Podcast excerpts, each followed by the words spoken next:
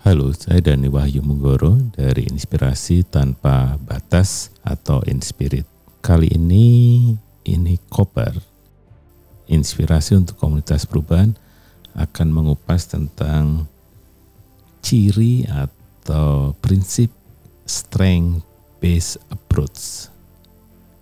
Kalau kita belajar tentang teori pembangunan, pendekatan-pendekatan aset base atau string base itu mulai dibicarakan pada tahun 80-an.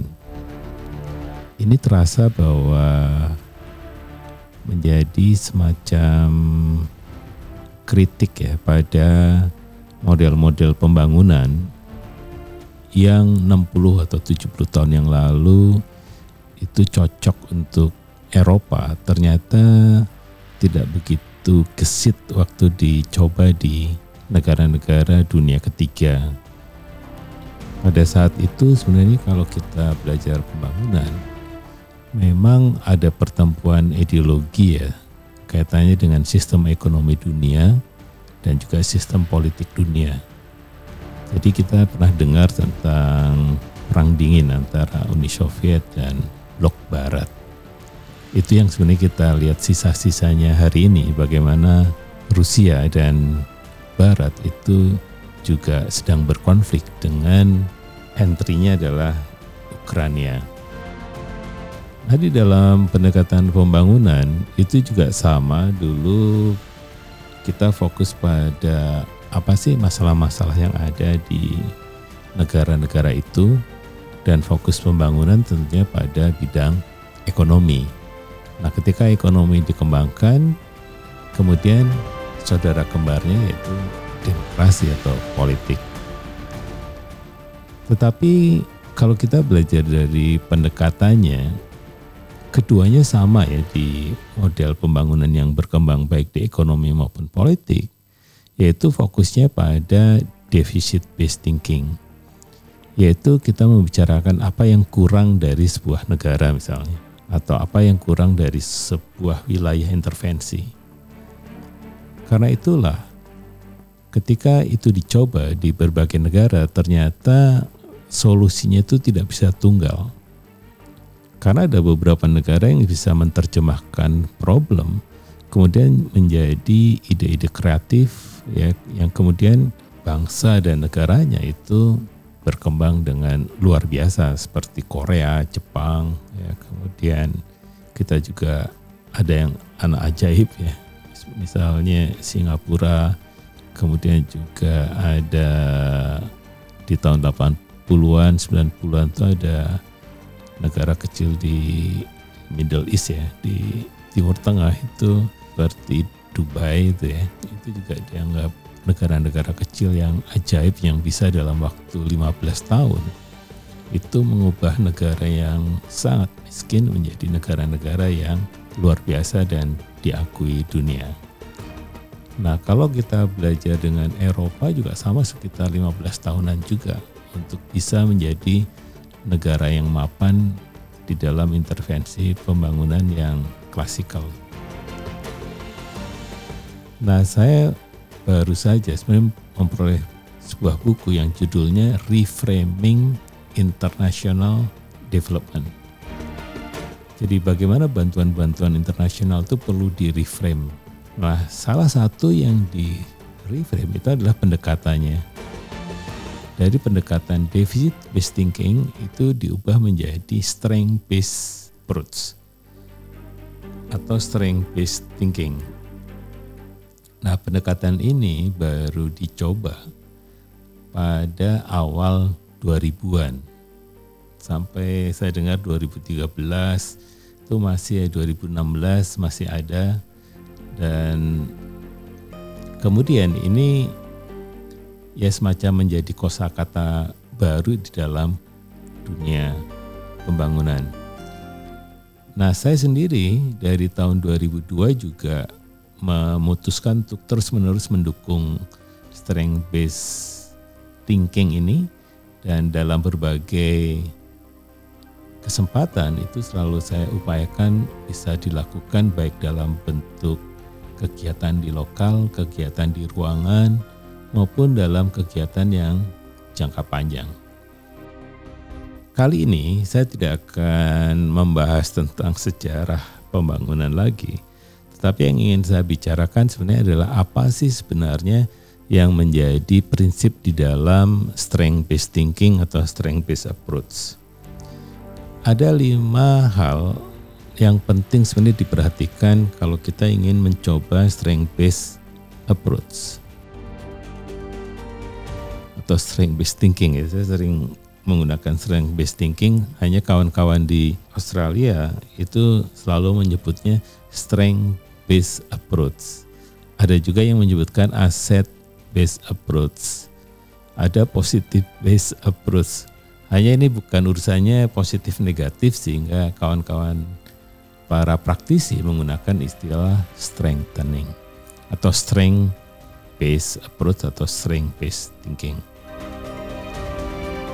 lima tahapan atau lima pikiran-pikiran yang penting sebenarnya diperhatikan pada saat kita menggunakan strength based approach. Yang pertama sebenarnya adalah bahwa kita harus melihat diri sendiri. Jadi di sini kita harus menentukan sejak awal itu posisi posisi karena kita sendiri sebenarnya sebagai individu itu paradoks juga ya. Karena bisa jadi apa saja. Ya kadang kita dilihatnya sebagai profesional atau sebagai orang biasa. Karena banyak identitas itu melekat pada diri kita masing-masing kan. Ya contohnya saya bisa menjadi seorang fasilitator, bisa kadang-kadang menyebutkannya sebagai seorang direktur atau bahkan sebagai anggota sebuah organisasi. Jadi di sini sebenarnya kita harus menentukan dulu apa posisi yang mau diambil di dalam proses asset based approach ini. Karena itu di dalam pilihan-pilihan yang yang apa sangat subjektif ini intinya adalah mana posisi yang memberikan kita optimis untuk melihat ke masa depan atau melihat ke masa lalu. Jadi di sini kuncinya, bagaimana kita bisa memilih secara sadar dengan posisi itu, saya bakalan positif melihat apa pun. Itulah yang disebut optimis. Itu yang pertama.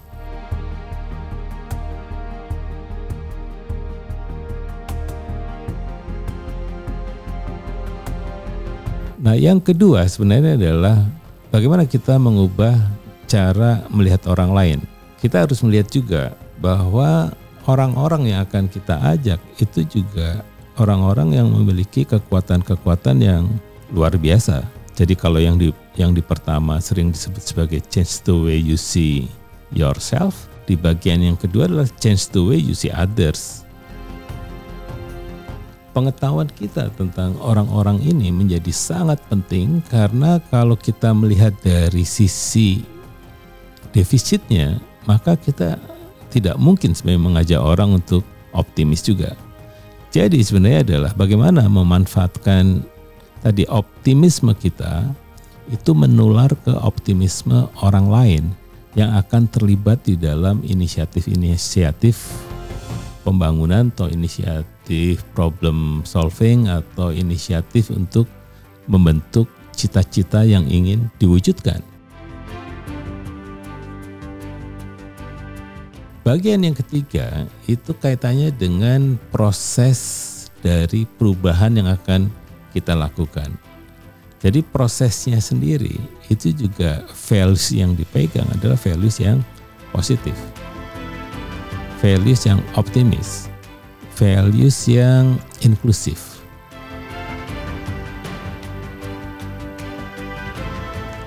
Mengapa proses menjadi sesuatu yang penting diperhatikan di dalam strength based approach? Karena proses ini itu berangkatnya dari sebuah pertanyaan.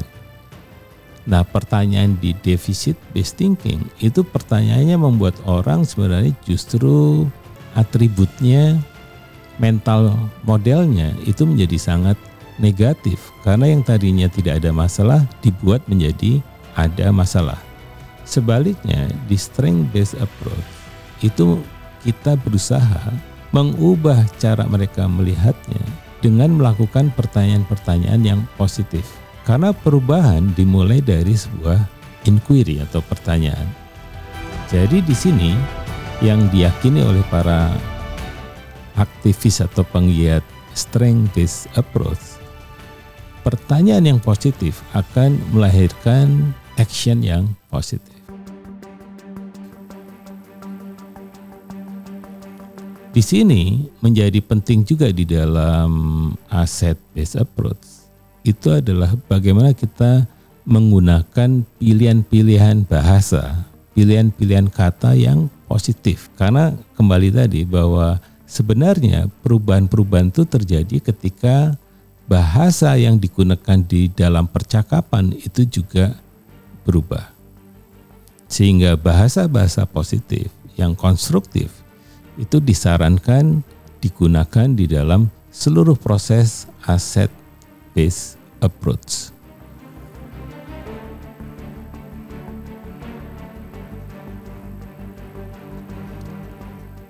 Yang keempat, kalau kita ingin belajar tentang strength based approach, itu adalah tentang fokus pada kekuatan. Jadi kekuatan di sini sengaja dieksplorasi melalui tahap satu dan dua, melalui apresiatif interview, melalui apresiatif storytelling, itu untuk meyakinkan kepada kita bahwa kekuatanlah yang akan menjadi obor perubahan, menjadi pemicu perubahan kekuatan-kekuatan yang akan digunakan untuk setiap orang atau setiap tim atau setiap organisasi untuk memulai perubahan fokusnya pada kekuatan yang kita miliki. Karena kekuatan itu adalah driver for change. Itu kuncinya sebenarnya. Jadi di sini mau tidak mau kekuatan-kekuatan itu harus digalang, harus dimanfaatkan, harus digunakan. Bukan sekedar dinyatakan bahwa saya punya kekuatan A, B, dan C.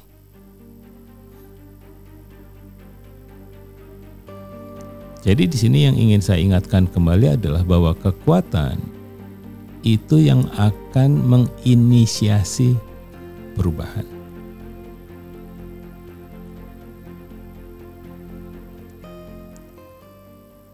Bagian yang kelima kalau kita belajar tentang strength based approach itu adalah bahwa outcome dari sebuah perubahan itu menjadi fokus apa yang kita ingin wujudkan. Jadi lagi-lagi berangkat dari bahasa. Dan juga di sinilah penguatan bahasa itu ditopang dengan apa yang disebut dengan visualisasi. Karena outcome ini kadang kalau bentuknya kata-kata itu tidak menggerakkan orang untuk bergerak atau untuk bertindak. Karena itu bantuan-bantuan visual itu menjadi penting karena ada juga pernyataan di strength based approach itu yang menyatakan bahwa images itu inspire action. Jadi gambar-gambarlah yang akan membangkitkan tindakan seseorang. Nah di sinilah exercise untuk bisa menggambarkan, menvisualkan masa depan yang ingin diwujudkan itu menjadi sesuatu yang sangat penting.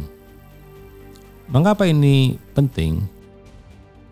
Jadi yang akan diubah di dalam strength based approach itu bukan hanya sekedar improvement, bukan juga mainstreaming, tetapi change change-nya sendiri juga bukan yang yang receh-receh begitu, tetapi yang disebut dengan transformation. Jadi change-nya itu sifatnya fundamental. Ya kalau di dalam perubahan sering yang diubah hanya proses dan style gitu kita ubah, tetapi kalau di transformation atau yang disebut generative and transformation change itu fokusnya adalah pada hal-hal yang fundamental. Yang fundamental ini artinya adalah perubahan dalam bentuk dan fungsi agar manusia dan organisasi menjadi relevan di dalam menghadapi atau menggapai impian-impian yang ingin diwujudkan.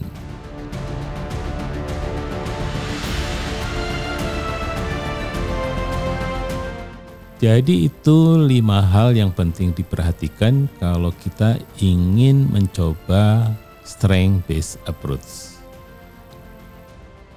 Demikian tadi materi tentang strength based approach dan kami di Nikoper percaya bahwa berbagi apa pun akan bermanfaat bagi komunitas perubahan. Sampai jumpa pada edisi berikutnya.